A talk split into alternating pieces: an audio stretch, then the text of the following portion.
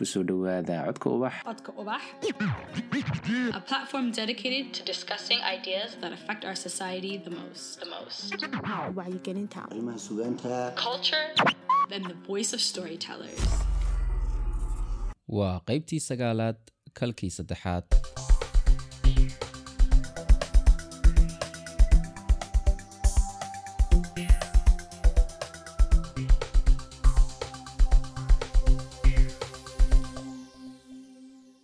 asalaamu calaykum. Waxaan idinku soo dhoweyneynaa barnaamijkan qiimaha leh ee lagaga hadlayo maalinta afka hooyo. Barnaamijkan waxaa iska kaashaday eh, somaliland museum codka ubax iyo saryan museum. Waxaa kaloo nala jooga kobciye oo iyaguna xagga dambe jooga. Aad baad umahadsantihiin inaad ka soo qayb gashaan dhammaantiin. Waxaan isku dayi doonaa inaynu dhinacyo kala duwan ka eegno mowduucan. Maalinta afka hooyo ayaa la idhaahdaa marka maanta dhinacaynu ka eegina waxa weeyaan afka hooyo xidhiir nooceeya buu la leeyahay dhaqankeenna ama dhowrista dhaqanka ummadi leedahay sideedaba. Marka waxaynu ka hadlaynaa markaa dhaqankeenii soomaaliga ah waxaa ila jooga oo garbahayga fadhiya doctor xuseen saleebaan oo dhankayga bidix fadhiya oo ah mas'uulka amaba agaasimaha somaliland museum. Sidoo kale eh, waxaa ku xiga cabdi axmed agaasimaheenii hore eh, wasaaradda arrimaha gudaha oo isaguna ka eegi doono dhanka afka soomaaliga marxaladahu soo maray waxaa kaloo inala joogta hibaaq cali oo iyadna ka mid ah howlwadeenada museumka oo iyadna ka eegi doonta dhanka qurba joogta. Sidoo af soomaaliga uu halka u marayo caqabadaha hortaagan iyo waxaan ku soo dhaweynayaa doctor xuseen. Waan marka hore inta aanan u gelin su'aasha muhiimka ah ee ah waa maxay dhaqan? Aan horta bal doonayay inaan aad annaga iyo dadka meesha fadhiya aad u faa'iideyso. Halkanay joognaa waa maxay caawa? Waad mahadsan tahay. Waxaan u malaynayaa faham guud waa laga wada haystaa laakiin museum waa afka laatiinka Eh, inana waa meel lagu dhowro dhaqanka. Dhowriddu haddaba maxay tahay? Waa meel lagu kaydiyo lagu ilaaliyo lagu xanaaneeyo wax allaale iyo wixii dhaqana.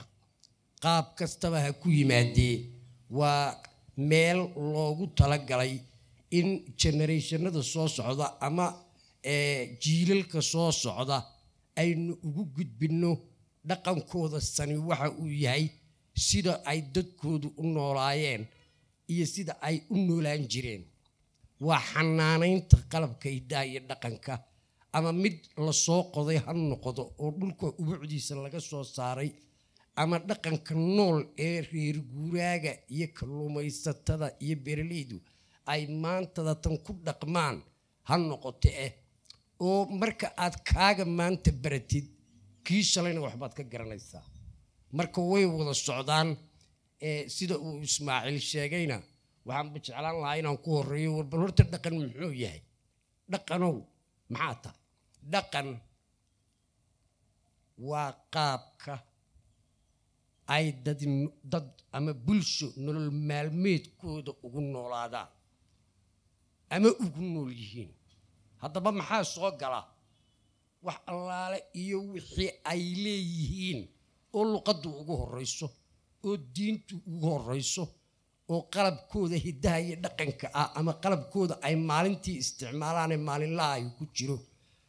Waxaa soo gelaya ciyaarahooda iyo suugaantooda iyo iyo iyo marka loo gaadho carruurta heesaha carruurta lagu seexiyo lagu soo toosiyo xoolaha ay haystaan haddaynu xoolo leeyihiin siday u maalaan siday u dhaqdaan ee siday ugu nool yihiin siday u munaafacaadsadaan marka dhaqan guud ahaan ama af ha noqoto ama qaab nololeed ama qalab ha noqotee waa sida ay bulsho nolosheeda u maarayso.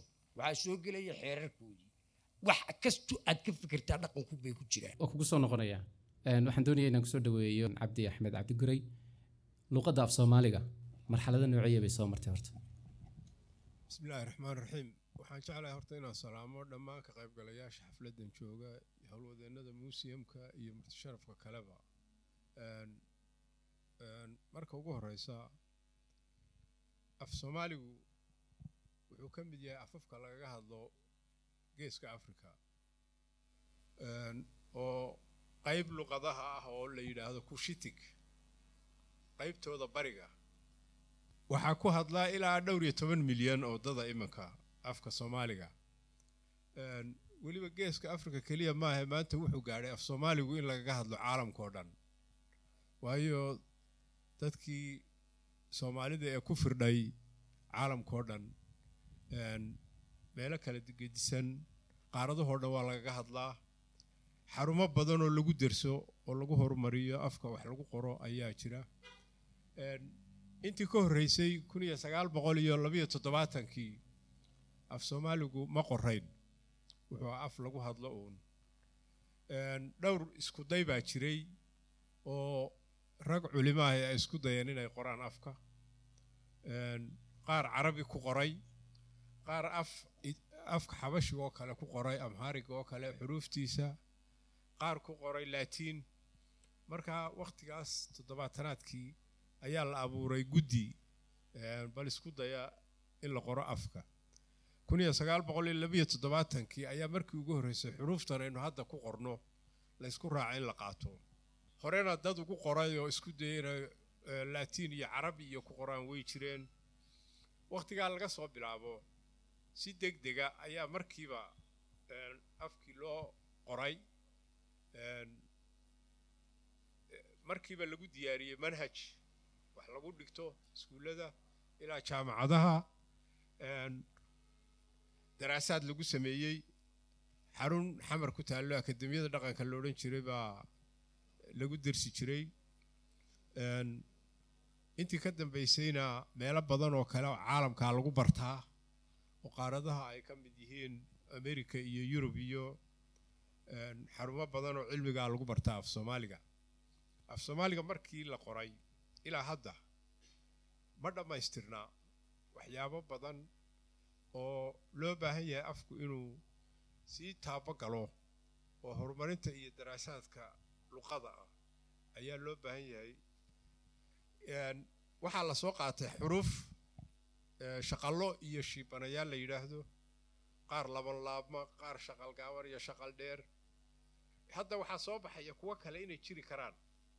Waxaa ka mid ah xarafka dhacdu ma laban laabmo lama odhan waa laban laabmaa laakiin bal waxaa soo baxay cadho iyo cadho oo kala culus.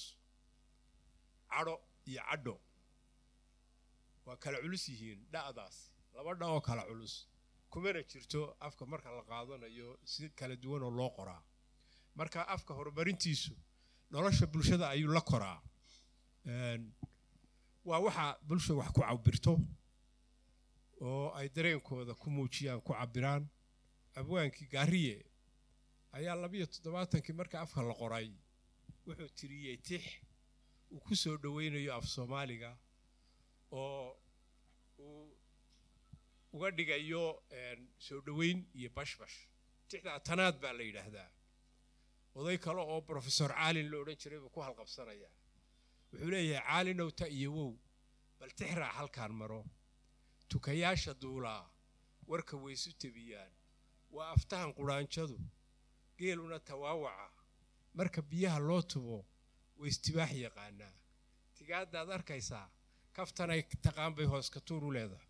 Adigu wuu wadaya wuu wadaya wuxuu leeyahay waxaan uga tab leeyahay afku nolosha wowtiir haddii qalinka loo tudho wax qoraalka laga tago lama taabageli karo. Taariikhda raacdee afkaygow tabaaliyo maxaa tulux ku noolay shisheeyuhu tab iyo xeel muxuu kugu tuntuunsaday. Maxaa sheeka taabuda? Tawraadi faallayn weli nebina soo tebin kaa tasoobay oo lumay. Yacnii sheekooyinka afku marka uusan qornayn xikmaddiisu waa lumaysaa. Waa la ilaawayaa suugaanta af soomaaliga markaa la yidhahdo waxaa la yidhaha tix iyo tiraab. Tiraabtu waa sheekooyinka markaas murtida ah ee kala duwan ee sheeka xariirta iyo badadaalashada iyo murtida lagu gudbiyo. Haddaan la qorin markaaba waa la ilaawaya waa lumayaan marka waa halkuu leeyahay maxaa sheeka taabuda tawraadi faallayn weli nebina soo tebin kaa tasoobay oo lumay. Waxay kaloo yidhaha wixii la qoraa qurumahadhee muxuu hadalqaayo leeyahay. Qoraalku yacni ahmiyadda uu leeyahay afka waxaa lagu kaydiyaa in la qoro. Dhaqanka iyo suugaanta iyo xikmadda iyo cilmiga dhammaan waxaa marka afka la qoro ayay macno sameeyaan oo ay soo baxayaan. Saas darteed af soomaaligu dhinac marka laga eego waxaa la yidhahaa wuxuu ka mid yahay afafka sii dhimanaya oo waxaa weerar ku haya luqadaha kale oo soo dhexgelaya iminka waxaa odhanayaa qolyaha siminaarada iyo bixiya waxay waxay odhanayaan maanta waxaynu leenahay workshop workshopka waxaynu kaga hadlaynaa eh, political participation ama women political participation.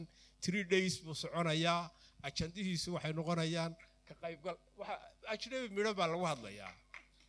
Marka afafkaas luqadaha ajnabiga horta afka weerar bay ku hayaan.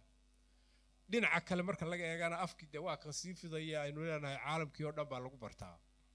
Marka waxay u baahan tahay hawl badan oo mutadawacnimo ah oo afkii la barto la qoro. Wixii murtiya qof kastaa wixii uu maqlee murtile inuu qoro. In daraasaad laga sameeyo afka la sii horumariyo cilmiga kale culunta kale lagu turjumo.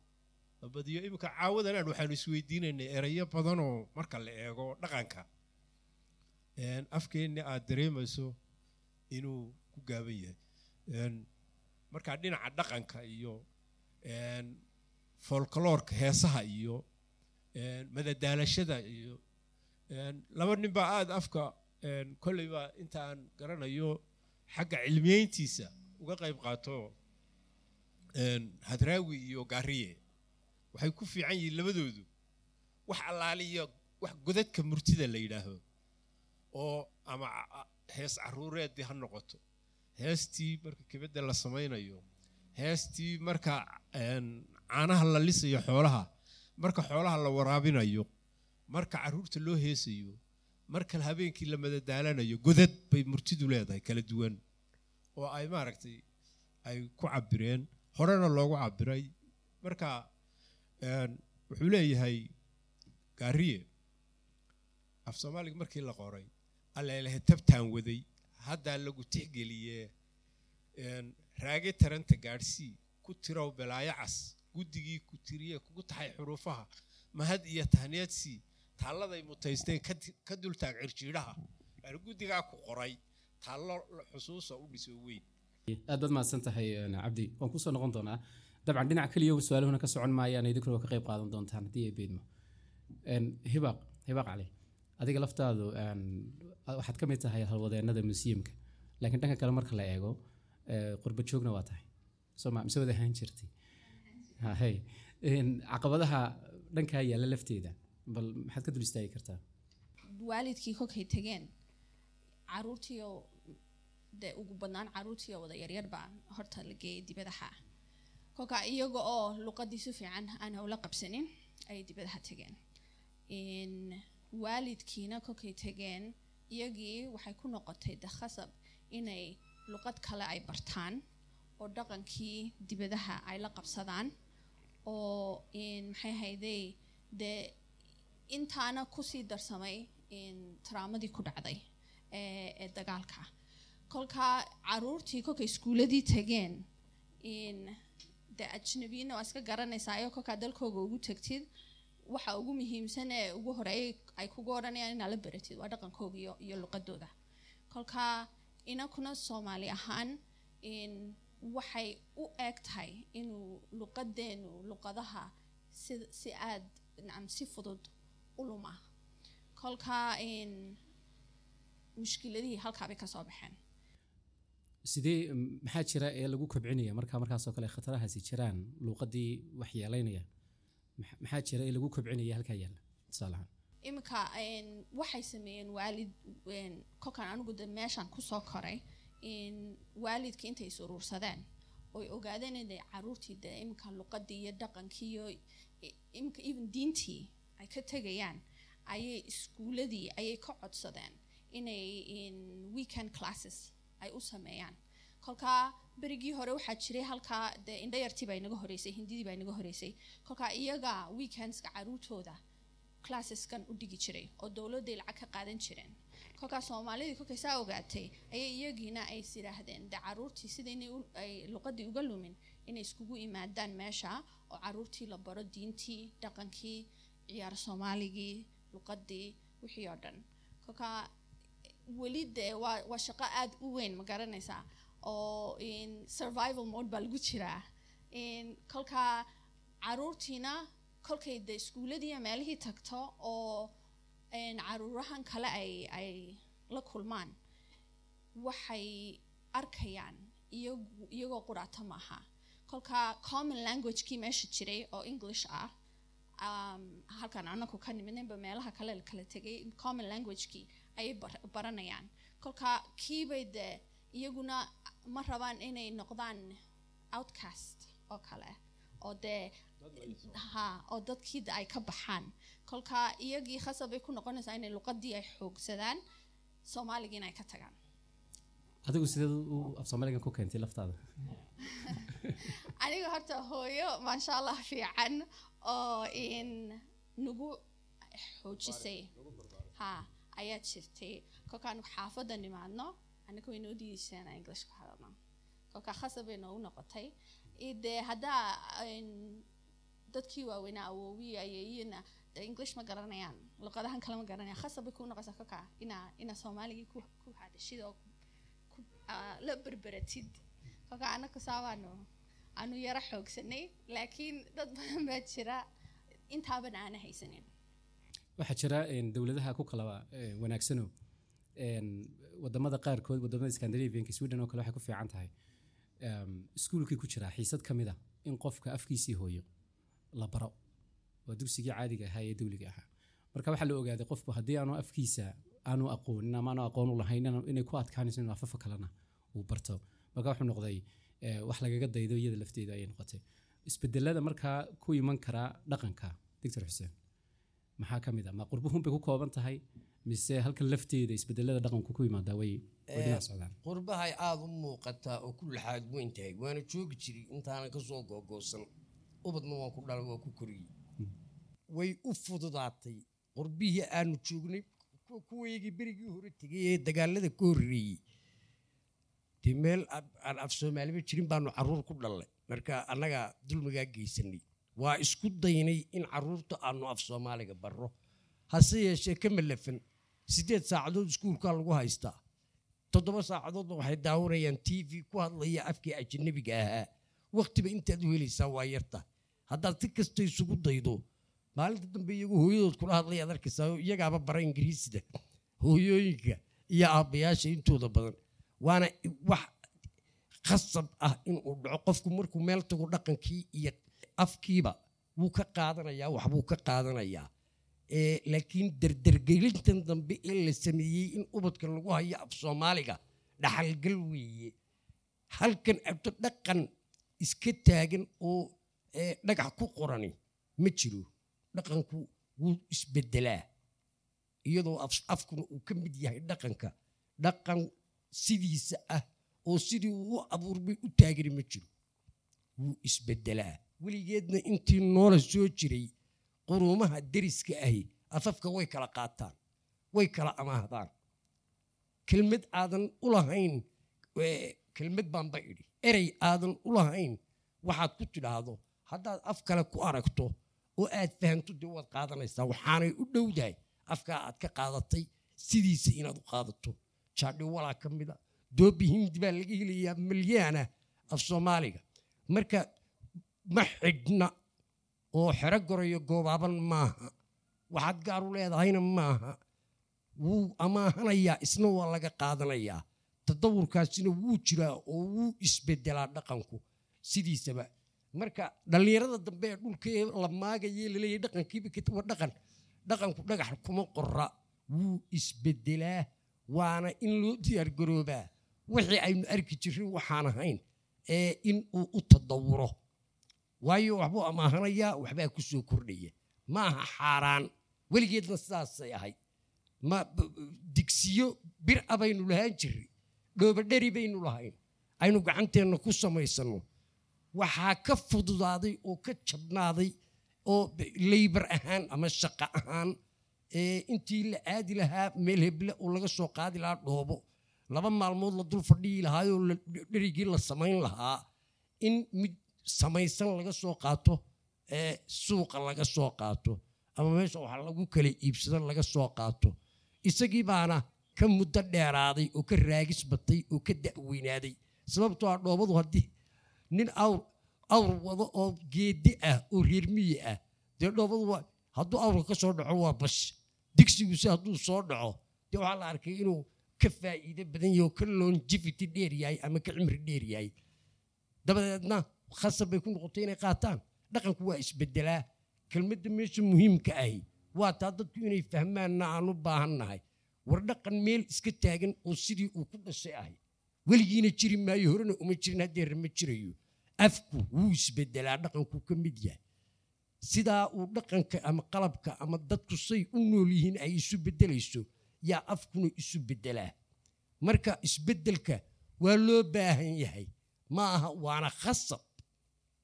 Waa wax aynan ka leexleexan karin oo ka wareegi karin. Marka in la ilaaliyo sababta keenaysaana waa taa. Warbal kii asalka ahaa inta lagu mintidi karo ama dhaqan ha noqoto guud ahaan ama gaar ahaan oo macaawa xafladanaynu u samaysanay af soomaaliga ha ahaatee sidii loogu talageli lahaa in wax laga reebo oo ubadkeenna wax ka ku dhow dhow at least ay inooga dhaxlaan dhaqankiina waynu ku noolayn generation walba ama da' walba ama fil walba waxbaa ku soo kordha waxna waa ka baxaan.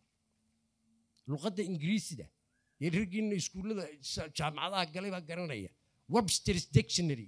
sanad walba waa la bedelaa waxaa lagu soo daraa intaasoo kelmadoodoo baroo ah oo cusub oo hadda dadku ay isticmaalaan laakiin labaatan sannadood ka hor aan la isticmaali jirin isbeddel kastaa markaa ma ma togan yahay mise ma taban yahay yani maxaa lagu kala garanayaa sidee se laysu- laysula jaa- loola jaan qaadaya isbedelada cusub mid togan iyo mid tabanba way leeyihiin adiga oo aan dareemin ama dadku bulshadu aanay dareemin yaa tartiib tartiib u isu bedelayaa midna waa mid inaga maqnaa oo loo baahan yahay oo kaabe u noqday dhaqankii ama ka fududaaday kii hore aynu isticmaalaynay haysanay.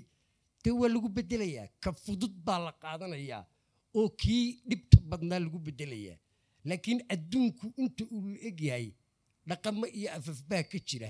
Afaan isbeddel kaa marini. Ama dhaqanaan isbeddel kaa marini ma jiro. Waa in niyadda lagu hayaa wax dhagax ku qoran ma jiraan. Laakiin dad noola ah baa isticmaalaya waxan ama ku shaqaysanaya ama adeegsanaya. Dee nooluhu isbeddelka uu keeno nolosha iyo duruuftu ay keento waa inuu isla beddelaa. Taasaa keenaysa in wax meel iska taagan uusan jirin weligeedba dhaqan iyo luqad iyo diin iyo isaa isu soo beddelayeen. Waxaan cabdi weydiin lahaa yana halkaa ku sii taagan. Waxaa jira adduunkii waa kanoo waa isku wada furmay. Dhaqanno shisheeye oo laga yaabo dee inaynaan hidow lahayn baa ina soo gelaya. Kuwooda togonna in la qaato kuwooda tabanna laga tago. Laakiin yaa yaa yaa taa kala xadidaya. Sida dadku u aaminsan yahay maxaa wanaagsan iyo maxaa xun iyo maxay in- inagu nahay dadku mar inay eh, dhaqankooda iyagu difaacan karaan oo wixii wanaagsanna soo qaadan karaan wixii xunna ka tagaan waa meesheeda. Waxaan tusaale u soo qaadanayaa annagoo ruushka joogna ruushkan waxbarasho u tegey dhaqan bay leeyihiin ruushku. Waxaa ka mid a marka la yidhaho martibaa idiin imanaysaa. Waxaa la sameeyaa soo dhowayntooda roodhi weyn oo sida keega ah halkaa dhexdaana waxaa la soo dhigayaa koob milixa marka waa lagaa horkeenayaa markaad u tagto. Gabadh loo soo labisay dharkii dhaqanka ayaa loo dhiibayaa iyadoo saa u wada roodhidaad goosanaysaa milixdaad daraysaa waad cunaysaa. Ceesha u milix weeye. Qofka ceesha u milix baanu nahay ma maqasheen. Berigaasaan anigu fahmay. Anoo iska maqlo u milix. Markaan xaggaa tegey baan fahmay marka yani cabiraadda weeye sida loo cabiro ama loo sharxo ama waxa. Isa saamaynta matalan waxaa ka mid a to- ee, dhowr iyo toban sano ama ilaa lixdankii ka horba dowladnimadaba ereyga madaxweyne inaan la aqoon macnihiisa suuragala. Soomaalidii ah, dhaqankii madaxweyne. President baynu dhaqaan madaxweyne soo maaha ereyga beleliqo oo kale soo qaado beleliqo ilaa dagaaladii dagaalkii seven seven ka hor mayna noqon beleliqo waxay tahay. Iyo civil warki iyo wixii. Af erayaa ku soo kordhaya dhacdooyinka nolosha dadka ka imanaya. Sida afafku isu saameeyaan iyo dhaqamadu. Waxa weeye maanta way fududaato waxa la yidhaha globalization. Ama carre village village village keliya noqday ereyada internetka iyo eh, website-ka iyo www iyo hadda innaga waa inoo caadi waa inoo caadi. Laakiin mar baanay dee eh, lala yaabayo marka la maqlaba. Marka macaamilkaas dadku isdhex galay wada xidhiidhayo ayaa keenaya isa saamaynta luqadaha iyo dhaqanka labadaba. Sidaas darteed markay saa tahay waxa weeye laba laba waajib bayna na saaran innaga mar waxa weeye wixii aynu inagu lahayn ee dhaxalnay ee dadkeennii hore ka dhaxalay in la kaydiyo oo museum ama madxafka sida sawirada halkaa imika loogu dhigdhigay maskaxdaada bal ay saamayn ku yeeshaan oo wax la kaydiyo oo la derso oo la sharxo. Sawir keliya wuxuu u dhignaa baa la yidhaahaa kun eray sawirku kun eray buu u dhigmaa picture. Worth thousand words. macnaheedu waa maxay halkaa imika waxaa ku yaalla waxaa laga sheekayn karaa muddo ilaa dhagaxan ugu sokeeya ee sawirku ku yaallo ilaa buurta shishe ee muuqata intaas waxaa laga sheekayn karaa waqti dheer yacni marka wixeennii in horta la kaydiyo la qoro la derso la xafido carruurta la keeno Een, waxaa la doonayaa waalidku inay caruurtooda toddobaadkii ama bishii ama waqtigay fasaxa yihiin madadaalasho looga dhigo la geeyo madxafka la tustuso alaabtaas la yidhaaho kaasi waa maxay? Kaasi waa maxay? Kaasi muxuu yahay? looga sheekeeyo oo ay bartaan oo qabtaan maskaxda.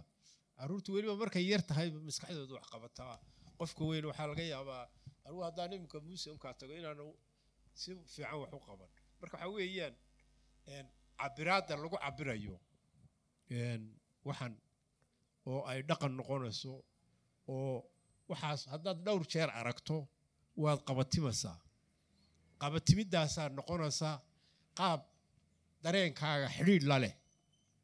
Iminka markaad aragto meelaha dalkeenna quruxda leh xaggee baa ugu horreyso kugu soo dhacaysa. Xaggee baa quruxa matalan daalo oo kale ka soo qaad. Xaggan badda jasiirado buuraha naasa habloodoo kale eeg. Waxyaabo sawir markiiba quruxahoo aad inaad leedahay kuu tusaya oo cabir kuu samaynaya yeelanaysa dareen lahaansho oo kale. Sense of ownership baa la dareen lahaansho. Waxaa annagaa leh. Annagu waa kuwaasaanu nahay. Annaga iyo iyaga adinka iyo dad kale waxaad ku kala duwan tihiin waxaas waxa aad adigu ku faanayso waxa dareenkaaga kicinaya waxa cabir inaad wax cabirto kugu keenaya. Waxaan doonayay inaan bal hadda isla eegno cabdi. Waxaa jira in laga dayriyay inta badan af soomaaliga imika oo la yidhaahdo af soomaaliga uu sii dhimanaya ama wuxuu ku jiraa eh, afafka sii dabar go'aya. Anu su'aal baan markaa taa ka qaba. Waqtiga la barbar dhigayo horta ayaanan fahminba marka la af soomaaliga uu sii dhimanaya. Marka imika dad badan baa wax qora af soomaali baa wax lagu qoraa. Waxaynu leenahay intaasoo jaraa'id oo soo baxa oo meel walba oo soomaali joogta waxaynu leenahay intaasoo website wax lagu qoro. Waxaynu leenahay social media iyo facebook oo soomaalida aad ugu badan yihiin oo maalin iyo habeen baa af soomaali wax lagu qorayo. Een, yacni goormaa la barbar dhigaya. Aan waxaan una aaminsanay inuu imika sidii dhaamee markan la barbar dhigayo uu wanaagsanaa waa markii. Mise waa laga dayrayaa una waxa kama jiraan? Waxa weeye waxaa la barbar dhigayaa marka qofka soomaaliga ahi soomaali biyuur oo aan wax erey ajnabiga ku jirin ku hadlayo ku cabirayo laakiin marka ay dee isdhex galaan matalan taariikhdeenna markaad eegto xeebaha ajnabigu ka soo gelaya ama lala ganacsanayey ayaa ugu badan meelaha luqaduhu ay iska soo gelayaan. Waxaa laga yaabaa ilaa beri dhoweyd marka gudaha la sii aado ogaadeeniyoo kale haddii la tago. Ideal man nin ogaadeena haddii la soo qaato inaanu af ajnabiba ku hadlin oo yahay nin baa tegey baa la eh, berbera tegey ka yimi hawdka wuxuu arkay badda la gelayo kalluunka lagala soo baxayo. Markaasuu la yaaba. Wuxuu ku leeyahay bad nin quusay oo soo qabsaday mulcayo qaadhqaadhay qosol ma u bannaan yahay afku qariyo mooyaane. Kowdhe kii reer guuraaga ahaa xoolo dhaqatada ahaa wuxuu ku leeyahay eh, waxay dalaga beeraha la qodan waa dagaagnimo eh. Mid wuxuu leeyahay mooyaha maxay ugu tumaan garowga maaroobay? Yacni nolol traditional ah oo biyura ayuu doonayaa inuu ku noolaado hayo. Oo tiisiya marka wixii kale ajnabiga ka soo galayba wuxuu arkaa wax fasahaadinaya ama faasiqinaya ama noloshii wax ka bedelaya laakiin sidii xuseen sheegayey xaqiiqada dhabtahay waxa weeye dhaqamadii way isla falgelayaan way isa saamaynayaan way ismasaxayaan waa kala xoog badanayaan. Een, marka dhinacna afkii in aanu eray erayada ajnabigu inaanay lumin erayadii soomaaliga ahaa. Iminka matalan marka wax la sharxayo expression la sharxayo. Af soomaaligu meelana waa ku rij waa ku qani meelana wuu ku liitaa. Meelaha uu tilmaamaha oo kale waxaa soo qaadanayaa gees gees dhinac baal doc ya barbar. Toban eray baad heli karaysaa inaad saa ugu sharaxdo laakiin markay noqoto inaad ku sharaxdo waxyaabo cilmiyahoo abstract ah waxaa laga yaabaa in uu kugu yaraado oo aad erey u weydo dabeedna abstract saa aanu idhi iminka. Inaad dahsoon aad weydo erey aad ku cabirto marka waxa weeye af lagaga hadlo deegaan xoolo dhaqato ah. Saddex aag buu u badan yahay afkeennu inuu qaybsamo xoolo dhaqato beereley iyo badda kalluumaysiga. Xaggan horta beeraleyda markaad aado markiiba waxaad gelaysaa afkii oromada. Er- terminologiska qalabka beeruhu wuxuu u badan yahay af oromo. Xaggan xoolo dhaqatada marka innaga dominant ah. Afka een, xoogga badan waa xoolo dhaqatada. Xagga baddana waxaa laga yaabaa in aad gasho carabi iyo erayo kale. Marka waxa weeye afku waa aaladdaa la isticmaalayo in wax lagu cabiro in wax lagu qoro in wax lagu kaydiyo afafka kalena wixii inaga anfacaa in la qaato. Weerarna dee waa lagugu hayaayo. Adaan doonayn baa lagu gelinayaa uu ku gelayaa oo isa saamaynta dadka imika waxaad eegtaa hargeysa gudaheeda. Inta af amhaarig ama af oromo lagaga hadlayo caawa. Markaa la eegto. Iyo markaad u eegto konton sano ka hor say ahayd. Waxaa laga yaabaa in faraq weyn dee ku jiro. Marka isa saamaynta afafka weliba maanta sida dowladuhu u kala awood badan yihiin ama u kala dhaqaalo badan yihiin ama u kala filimada iyo markaad eegto saameyntooda. Afafku way isweerarayaan waa la isqabsanayaa waa la ishantiyayaa waa la ysku xukumayaa waa la ysku adoonsanayaa marka ugu dambeysa luqada. Marka saameyntaasuu yeelanaya. Marka marna waxaa kuu furan inaad dadaasho afkaagii kaydiso horu mariso erey kastoo ajnabiya u raadiso erey soomaaliya kaydiso oo xafido isticmaasho. Marna afafkii kale inaadan diidina dee caalamkiibaad ka mid taho maanta filish ba caalamkiiba noqdee ku dhaqan iyo la isticmaal. Intaba uu noqonaya. Aan intaa dabadhaado qaar baan garanayn dabadhaadke. Waa dhaqankaa reer miyiga ah ee dominantka ka noqday ama qabsaday dhaqamadii kale ee dadkeenna soomaaliyeed ee afka inuga dhexeeyaa ay la lahaayeen weeyaan kelmadii haddirtaa tidhi maxay ahayd abstract. Abstract. Waan ka fekeri anuu keligay abaan ka fekeri concept. Abstract. War bal maxaa lagu tarjumaa oo aynu odhan karraa waxaa inaga maqan eh, cabdi wuu- wuu taabtay lixdankii gobonimada markii la qaadanayey waxaa la yidhi warnimayo ma sidanaynu dowlad ku noqona. Afkeennu ma leh thank you iyo grazie ma leh. Please ma leh. Maalintaasaa rag intay mas- maskaxaha isu geeyeen oo madaxyada isku dhufteen. Bay yidhahdeen war bal horta tan tankiyuda mahadsanid waad mahadsanta waa marka ay soo baxayaan kelmadaha noocaasi. Afku ma meel la'a. Hadduusan dad waayin. Kelmad walba waa loo samayn karaa anigii cabdii raggii ee doorka ahaa baanu ahayn toddobaatanadii markii af soomaaliga la qorayey guddida tani waxaa jirtay akademiyada cilmi baadhistaanu labadiiba soo marro ka soo shaqaynay guddi erey bixin waay markii scientifiga wixii science ah ardayda af soomaaliga loogu bedelay ilaa dugsiga sare la tarjumay waxaa la yidhi war waxaan sidan kaga tegi mayne conceptiskan iyo mala awaaladan aynu u samayno oo kelmad walba sideedaa loo tarjumo af soomaaliga ugu quruxda badnaana afkunbaa laga dhexlaya samada lagama keenin. Halkaasaa lagu sameeyey oo lagu dadka lagaga dhaadhiciyey. Markaan qurbaha ka soo noqday muddaan maqnaa kelmad baan bilo dhan baacsanayey oo aan fahmi waayey waana igu adkaatay inaan war dee garan maayo ii sheega ciyaal yaryaroo reerka abaan waxaan ka maqlaa jabcadda keen. Jabcadda ay sii dalka kagama tegin anugu jabcad.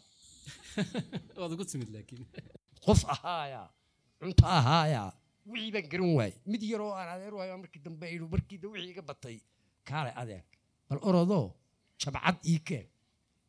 Saa madiibad yaroo jaandiyu ii keenay oo madiibadii maxaa ku dhacay war madiibadii aynu isticmaali jirray maxaa ku dhacay? Dee jabcad bay isu bedeshay. Anuu afay tahayba garan maayo. Laakiin hadda waa af soomaali. Waa sidii aan markii horena idiin idhi afku waa isbeddelayaa dhaqankuna waa isbeddelayaa wax meeshooda taagan oo ku kirkirani ma jiraan. Oromadan iyo soomaalidan aad arkaysaan maalin bay isku af ahaayeen iyo cafarta iyo saahada iyo mogagaadada iyo baysaha iyo randiilaha walaalaha sagaalka ah baa la odhan jiray. Tartiib tartiib bay u kala dhaqaaqeenoo midna beri u aaday midna bagax u aaday. Muddo markii la joogayna laba af oo isberber ordayoon la isku fahmi karin baa ka soo baxay. Qolo waliba sideeday u dhaqaajisadoo afkeedii u horumarsatay. Af maay miyaad fahantaan dee maay iyo maxaad mar bay isku mid ahaayeen oo isku si loogu hadli jiray. Oo laba reeroo is-ag degani. Aanay maay iyo maxaad kale lahayna af ka dhexeeyo ay isku afgartaan oo af soomaaliya la yidhaahdo. Ay lahaayeen. Waataan idinku bilaabay waa qayb ka mida dhaqanka afku. Sidaa dhaqanku isu bedelo baa afkuna isu bedelayaa waanu isbedeli doonaa laakiin murtida meesha taallaa waxay tahay war dhaqanku ha isbedelade mar walba waa dhaqankeennii afkuna ha isbedele mar walba waa afkeennii waxna waa ku soo kordhayaan laakiin bal xilli walba meesha uu joogo aynu ku preserve garayno oo aynu ku xanaanayno oo aynu ku ilaalinno si aynu ugu gudbinno kuwa inooga dambeeya. Gudbintani maxay keenaysaa? Inay gartaan kelmaddani inaanay saa ahayn ee jabcaddaydii oo kale ay tahay waad mahadsan tahay iyadoo loo gudbinayo jiilasha dambe. Dabcan waxaa jira jiilal inala jooga oo yani soo socda oo aan ahayn kuway nala jooga. Hiba adiga oo khibraddaadii hore iyo sadaf soomaaliya ku baratay eegaya sidee baa markaa loo fududay loogu fududayn karaa jiilasha dambe ee imika dhalanaya ee xaggaa ku dhalanaya? Horta kow waxay noqonaysaa horta wax aan halkan ku arkay in caruurtii dibadaha kas ku soo koray. Kolka halkan lagu soo celiyaa dhaqan celiskii waxaa loo arkayaa nacamtii wax xun. Because caruurtii dibadaha joogay kolkay dalka ku soo noqdaan waa iyagoo dee problems badan halkaa kala soo kulmay oo maxay ahayday dee waalidkii khaatiyaan ay ka joogaan. Kaasay yidhahdeen okay haddaanu dee caruurtii ay dhaqankoogii iyo luqadoodii iyo dee mushkilado badan oo kale ay nagu soo baxeen meesha caruurtii dalkooga lagu celiyo oo dhaqankoogiya soo bartaan laakiinse dhaqanku wuxuu ka bilaabmaa familiga homeka ka bilaabmaa waalidku ka bilaabmaa. Kolka waalidkii caruurtii inay nacamtii ay jeclaysiiso dhaqankeenii oo la baro luqadii ay waxaan la soo koray caruuro badanoo hindi iyo indhayar iyo dee ajnabiyiin badan oo iyagoo yaryar oo dalka ku dhashay oo xaafadda uun luqad kale mooyaane luqadooda ah. Oo anaka oo dee grade school grade one grade two nimidnay oo iyagoonaba english garanaynin oo luqadoodii hooyo unbu ku hadlaya afkoogii hooyo ku hadlaya. Then hadhow toole ayay iskuulka ku baranayaan. Kolka inankii waalidkiiba mas'uuliyaddu saaran tahay. Inay jecel caruurtii ay dhaqankii ay jeclaysiiyaan. In maxay ahayday afkii in sheekooyinkii berigii hore heesihii carruurta loo heesi jiray wixii oo dhan ay de baraanoo sida diinta loo de iyo saxaabtii iyo nabiga calai slat salaam loo jeclaysiiyo carruurta saasoo kale luqadii iyo dhaqankiina iyadoo ay markaa mushkiladahaas ama caqabadahaasi jiraan marka dalkii la yimaado qofkii doonaya inuu af soomaaligii sii wanaajiyo caqabadaha uu dalka laftiisii kala kulmaya maxaa ka mid ah caqabadaha horta ugu weyni waxa weeye qurbo joogii iyo dadkii halkan joogay si fiican isuma fahmayaan. Dhaqankii ayaa dee aada u kala duwan. Ismana dad ismana doonanayaan. Haddaan imka english ku hadlo dadkii de qurbo joogee ay fahmayay unbaan day dayanayaa. Kolka number two-na adigio raba inaad soomaaligii ku hadashid oo de luqadii aa- aa isku tijaabisid inaad ku hadashid ayaa erey kasta oo yaro you yaro shakiyu ku jiro amba wax yaro khalad aad tiraahdid ayaa lagu qabanaya lagu oranayaa daawo you kolka hadhow toole adigiibaa uqdad qaadaya odhanaya. De maxaan ka baranayaa mar kastoon rabo inaan ereygii aan luqadii aan barto de waa laygu qoslayaa. Kolka englishkaygaan iskaga hadli doonaa.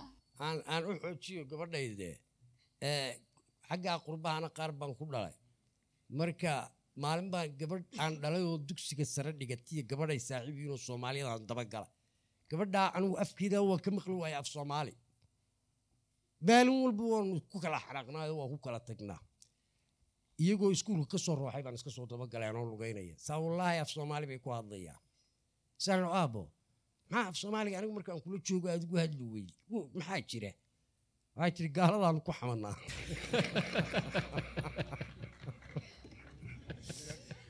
cabaar baan se dhegaysanayado dee anigaba intaa yar hadday igula hadasho waan fahmi lahaa wax kastaba ha u midda se muhiimka ah ee halkan taallaa waxa weeye boynkaa ay hibaaq sheegtay. Ilmihii markuu halkan yimaado afkii isagoon garanay. Meeshii la dhiiri gelin lahaa ee la buunbuunin lahaa ayaa la odhanaya wabal waxaasaya af soomaaliga ka qabta jajabsaye wabal waxaasuu u yidhi day dad u dulqaad leh inaynu si tartiiba ubadka u barro af soomaaliga. Horta dee afkeennaaba iska kagan berigan dibadaha joogay gaaladu waxay ohan jirta maxaad la xanaaqsantaa war ma xanaaqsaniya afkaygaa loogu hadlaa ma xanaaqsaniye dalallaanu saa isaga nuu afka iyagaa sidaa loogu hadlaa dee war markaad gacanta taagtay tiraahdid maxaad u jeedaa halkan yar ururisid iyagidi waa ka mamnuucba show.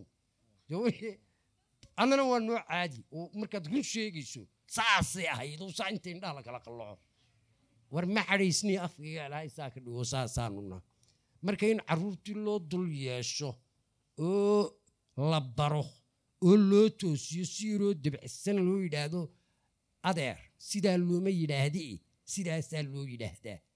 Baynaana ka qabta af soomaali waxay ku hadashay war saa lama yidhaahdo oo xanaaqba ilmihii markaas ile qurbu ku korado war saa looma yidhaahdo dambaba dhib ku ah. Odaygii maxaa qarxiyey buu odhanaya. odaygii sutun xumadda ku kacday. Ee bal odayow iyo islaanay tartiibo si yar ugu sheego sidaa looma yidhaahdo hooyo aabe adeer eedo ee sidaasaa loo yidhaahdaa dhaha xuseen mar dhoweyd wuxuu isticmaalayay eray e- guddigii af soomaaliga qoray oo erey bixinta qaatay. Erey bixin waxaa heerka labaad ee loo gudbaya wuxuu noqonayaa in wax la qeexo erey qeexid. Definition.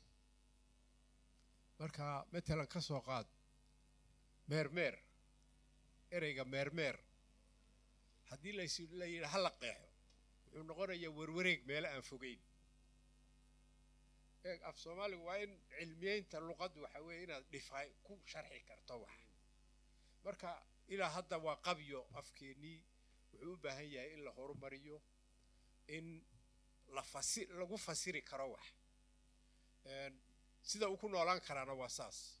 Haddii kale waxay noqonaysaa af yaroo aynu ku hadlanno iyo iyo sharaxii iyo macnayntiisii oo kala duwan. Anigu waxaan soo jeedinayaa dhallinyaroy hadda waadna maqlaysaan idinkaa jaanis haysta. Fursado badan baa ka bannaan. Barashadii luqada iyo afkeenna iyo dhaqankii labadaba. Dad ku takhasusa inay bartaan aartka farshaxanka harar kaabal islaan iyadoo aan waxba baran. Ayaa samaysay. Waxay isu keentay dun iyo maydhax iyo caws iyo art bay samaysay. Go yaa baray xaggay ka baratay xaggay ka keentay. Waxaa marka loo baahan yahay dad luqadaha barta dad dhaqamada barta dad aartka barta qaar xataa wax sawira oo sawiro ka reeba oo daraasado sameeya. Jaanisyo badan baa ku jira. Caalamka innaga jaamacadaheenni waxaa ku badan i c t iyobaa la bartaa wax badan. Internetkan iyabaa keenay waxaan. Laakiin dhaqanka in la barto oo een, aad barato dhaqankii iyo fekerkii qofka soomaaliga ah maxaynu kaga duwannahay dadka kale inaad sharxi karto. Lebiskii soo qaado fekerkii soo qaado qofku suu wax u arkayo soo qaado dareenkiisa soo qaado cibaadadiisa soo qaado waxaasoo dhan baa maadooyin la barto oo cilmiyahoo weliba lacagna lagaga dhergo ka fiican oo aad daraasado samayso. Intaynu internet iyo ku warwareegayno iyo wax yaryar marka waxaan soo jeedinaya waxaan anigu kolleyba idinku waani idiin soo jeedinayaa fursado badan oo cilmiyeed oo horumarka dhaqanka iyo luqadaba qayb weyn ka qaadanaya ayaa furan. Annagu waan ka gabownay imika ka baxna. Hadduun baan dib markaan u eegna ay noo muuqdaan. Laakiin idinku halkaa wax badan baa ku jira. Waa dabadhaadkaygii xadhigu markuu kaa dhammaado dhudda dambe dabada lagaga xidho yaa la yidhahdaa dabadhaad kelmaddan macnaynayay haa waa waa sax weeye anigu kuma jiro da'da uu leeyahay waa sii soconnaa laakiin mid baan idiin sheegayaa tan dhaxalkeeda idinkaa leh kolley eh, annagu amaanu sii soconno amaanu soo soconne horberyaynu joogaynaa hayna dedejinin Eh, haddii alla idmo idinkay idiin taallaa waana aniga igu ladhka faraha badan igu haystaa caawa. Waxa weeye hiddihii iyo dhaqankii iyo agabkii iyo qalabkii iyo suugaantii war wax waliba farahay ka baxeen. Haddaynan yegleelin maanta oo aynan waxa aynu heli karrana keensan hiddo dhowrka ama bartaa laynoo sameeyey gurigaa weyneed toddoba dabaq baabuu marayaa miya mise lix lix dabaq. War waxaynu dhigno oo kuwa dambe inaga dhaxlaan baynu u baahanay guryaheenna yaalli meel walba waa filiqsan yihiin. In la soo ururiyo oo la keeno way sii tirtirmayaan. Waxaanay u tirtirmayaan qaab nololeedkiibaa isbedelay. Reer miyi laga soo dhaqaaq wax yar baa ku hadhay waxaanba ka baqaya anuu waaba naftaaba iga raacaysa haddii geel la waaye. Labaatan ka sanooyo soo socda in aan hal dambo meel daaqaysaba la arag. Adigu geelaagii maad ka timid? Waa joogaa. Haa waa aadaya haddeeraaba ladhigu kacsan yahaado aan doonayaa inaan aado. War waxaa loo baahan yahay in aynu maskaxda gelinno waxaynu uga tagno dhallinyarada tan aynu baraarujinayno ee kicinayno inaynu keenno. Waxyaabaha iigu naxdinta weynaa waxaa iga mid ah ma taariikh ma sheega masuu iska daaya haddeer waa yaraadaan lahaaye siddeetan iyo lixdii yaanu anigiiyo maxamed cabdi alla magan iyo cabdilaahi dheere aanu halkan ka aanbabaxnay booramaanu tagnay adigu research iyo waxbaanu wadnay archaeology ah. Waxaan ka helay qof dumar ah oo dheryaha samaysa oo markaa dheryihii bannaanka u yaalyaalliinoo qallalayaan. Waxaan ku yiri magaalada cid kaloo samaysaa ma jirtaa? Gabadhaasaan dhaladoo iyaduna waan ugu taag waayey inay barato. Horta dee kolley ma noola. Oo markaa anna nin yar baan isu haystay iyana waa iga korranay. Laakiin u malayn maayo maanta waan tego waan weydiiyey. Ma jirto la heli maayo qof dhergihii dhoobada ahaa sameeya. Magaalada boorame. Waabay ii sheegto waxay tiri qof kaloo sameeyaana ma jiro. Gabadhaydaasaan isiri baroyana waa ugu taag waay war hararkan la samaynayaa qabar sanaaci la kicinaya maaha. Gabdhow waad baran kartaan ceebna maaha. War dermadii la falkin jiray waad baran kartaan ceebna maaha. War wiilow hadhuub la qoro iyo iyo fandhaal la qoro iyo xeedho la qoro. War maad baran waayin. Inaad inoo barataan oo aad wakhti gelisaan baa loo baahan yahay.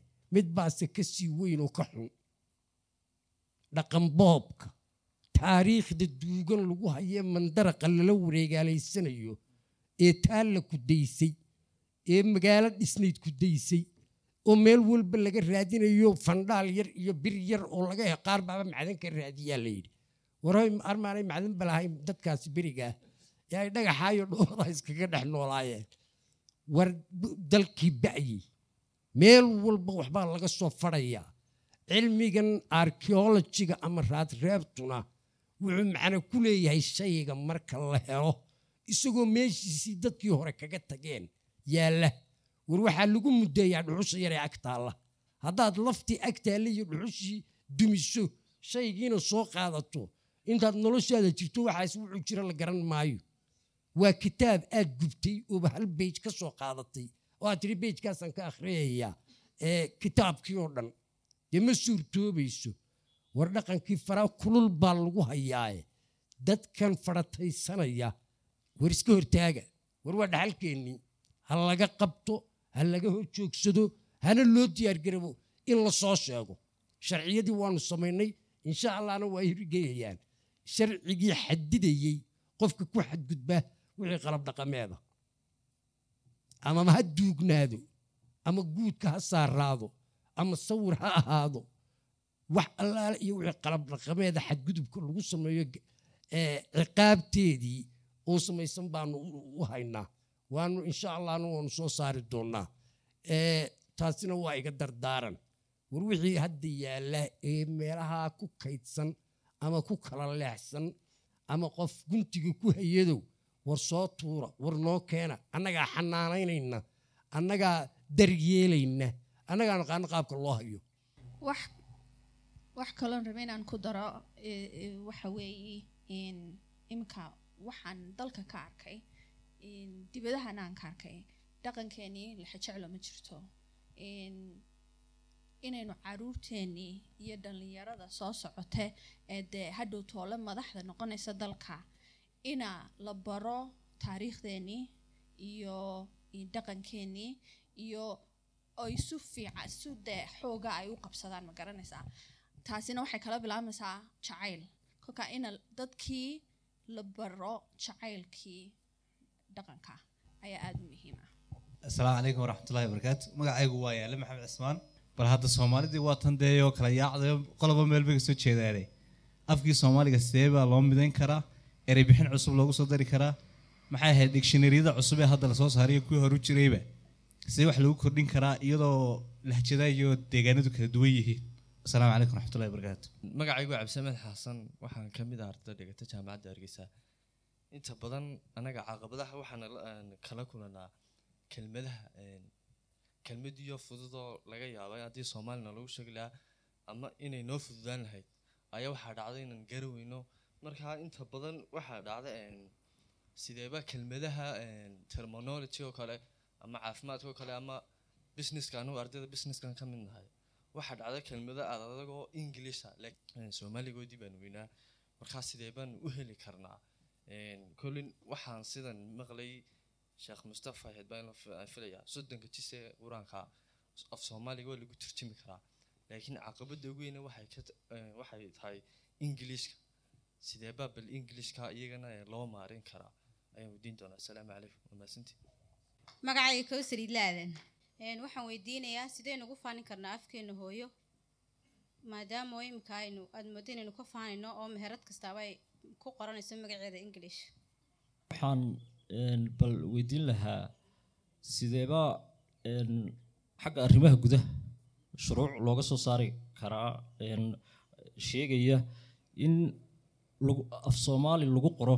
Wax kasta oo maaragtay dee meel lagu dhajinayo ama tabeella ha ahaato ama meherad la furaya ha ahaato ama xayeysiis. Si kale ku istaagaysaa. Ma jirta yacni xagga shuruucda dowladnimo ayaan weydiin lahaa asalaamu calaykum waraxmat ullaahi tacaala wabarakaatu kelmadii horaan daba socdaayo in boodharka iyo meheradaha laga dhigo soomaali. Talada kale ku darsanaya waxa weeye dadka qurba joogta inkastoo qurba joog fara badan ay fadhido.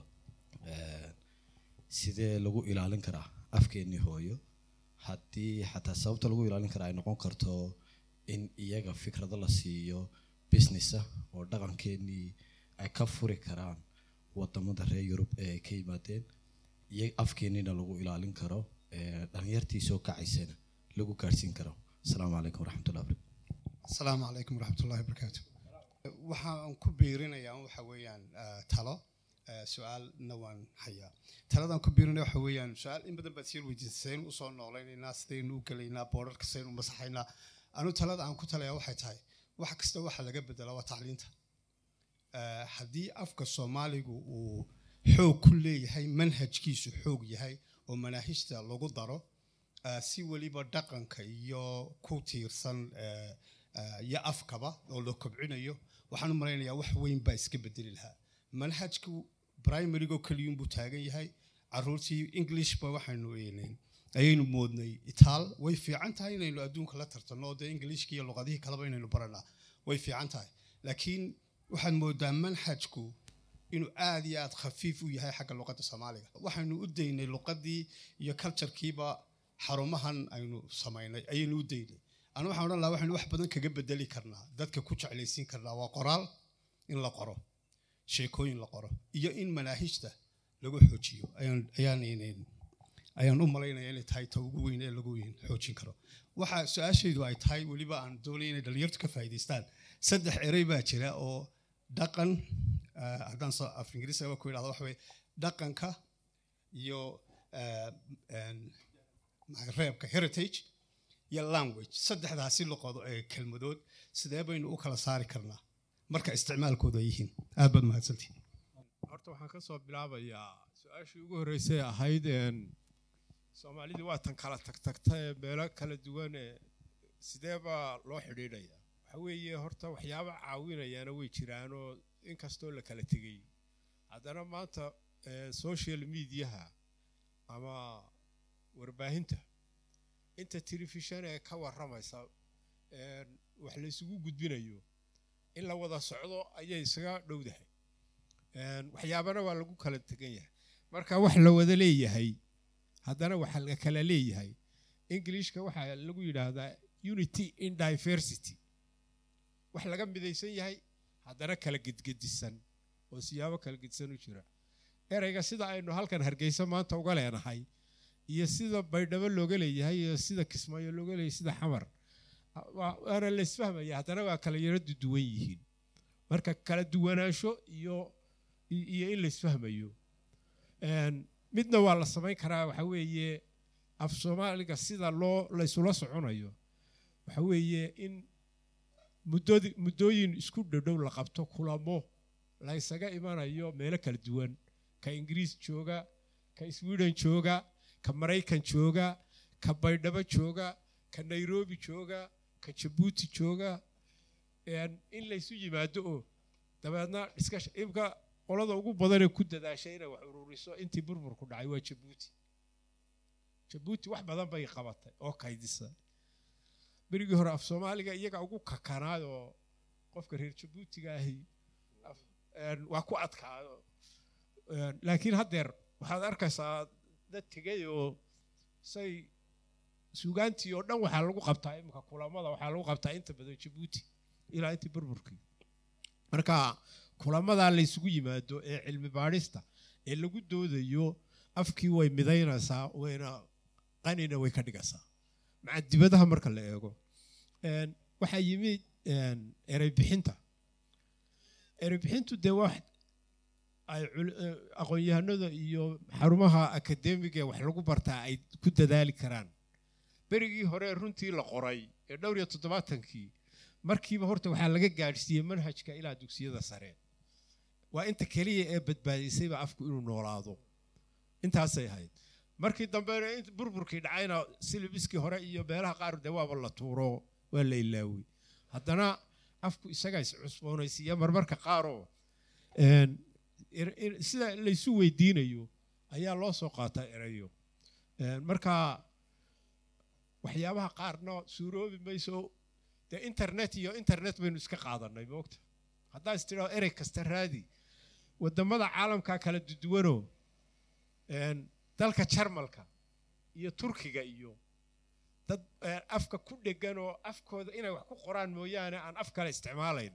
Iyaad arkaysaa. Jarmalka waa laga yaabaa inaadan arkinba iyagoo erey kale isticmaalaya.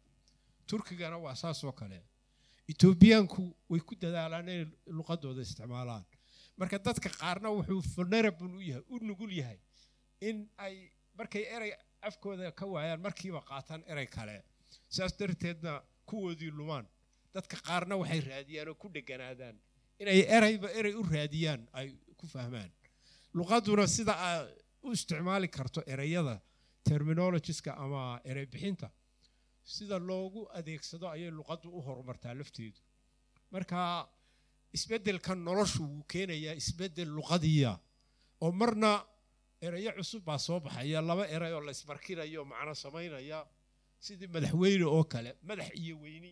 Madaxweyne waxaan u fahmi karaa anigu wax madax weyn wax madax weyn laakiin macnuhu inuu noqdo ereygaasi in laba erey oo laysku kaaway oo macno sameeya waa la samayn karaa ereyada waaba la sameeyaa ragga gabayaagu iyagaa samaysta mararka qaarkood ereyada qaar iyagaa la soo baxo ereyo ay suugiyeen oo macno sameeyey bay samaystaan marka nolosha lafteeda horumarisa luqadda dee luqada in dadku ay ku faanaan waxaa lagu heesi jiray afqalaad aqoontu miya yaa la odhan jiray miya maya maya.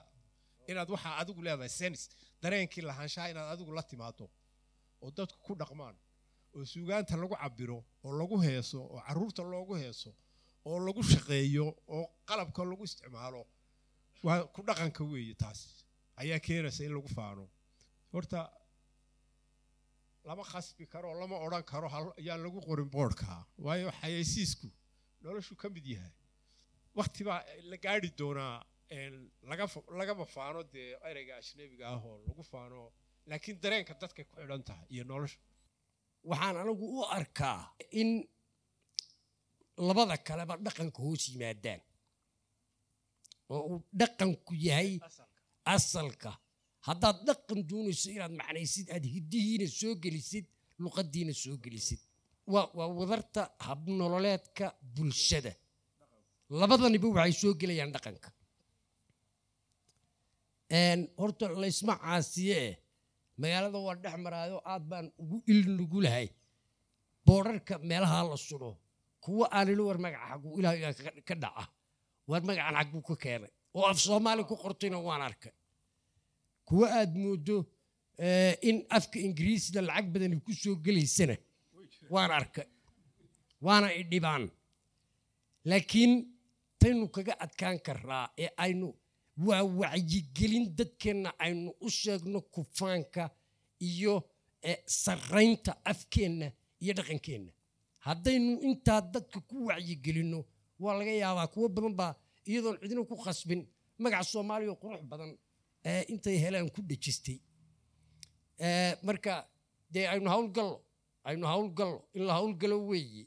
Hana kaga hadhin halkaas waa qodob aad u muhiim oo aad u wanaagsan. Waa kufaanka dadkeennu ay ka dhiman aynu jecelahay inaynu ku wacyigelinno aynu u aasaasayno madxafka ama museumka ama hidadhowrka ama raadreebta qaranka aynu u abuurayno inaynu dadka ku baraarujinno ee jacaylka afka iyo wadalahaanshaha afka. Waxaynu ku faannay inuu yahay iyo qalabkan dhaqameedkan aynu keennay ee- ee- la dhigayaa meesha ee hiddaheenni iyo dhaqankeenna abtirisiinyadeennii ah oo ay waxaynu kaga duwanayn dadyaga kale ah in in in la muujiyo oo la wacyigeliyo dadka wanaagsan.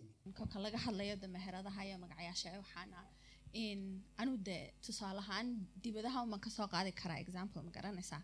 Kolka iminka kanadoo kale english iyo french baa lagu hadlaa. In annakoo yaryar ayaa labada luqadood ay ay tahay inay dee mandatory la barto waxay hadhow tolo noqonaysaa kolkay gaadhada bulshada iyo dadkii caalamka inay businesskii in meheradahii luqadihii lagu qorayay ina labadiiba midna laga dhigo french midna english laga dhigo. Kolka dee waxay top down ayay nacamtii ka imanaya. Kolka haddaa la xoojiyo oo dowladda amba dee dadka madaxda ay ka timaado dee caalamkuna uu qa- uu qabsanaya uu qaadan doonaa. Eh, halkaa ani yar ku daro. Eh, markii hore maskaxdii baan sideedii hore ahayne. Eh, waa ka yara buudiyey ha Eh, intii haddeer iga luntay misana. Berigii af soomaaliga la yidhaahdo berigaasaa la hormariyey. Ma ahayn in kelmad la tumaaliyo oo la sameeyo.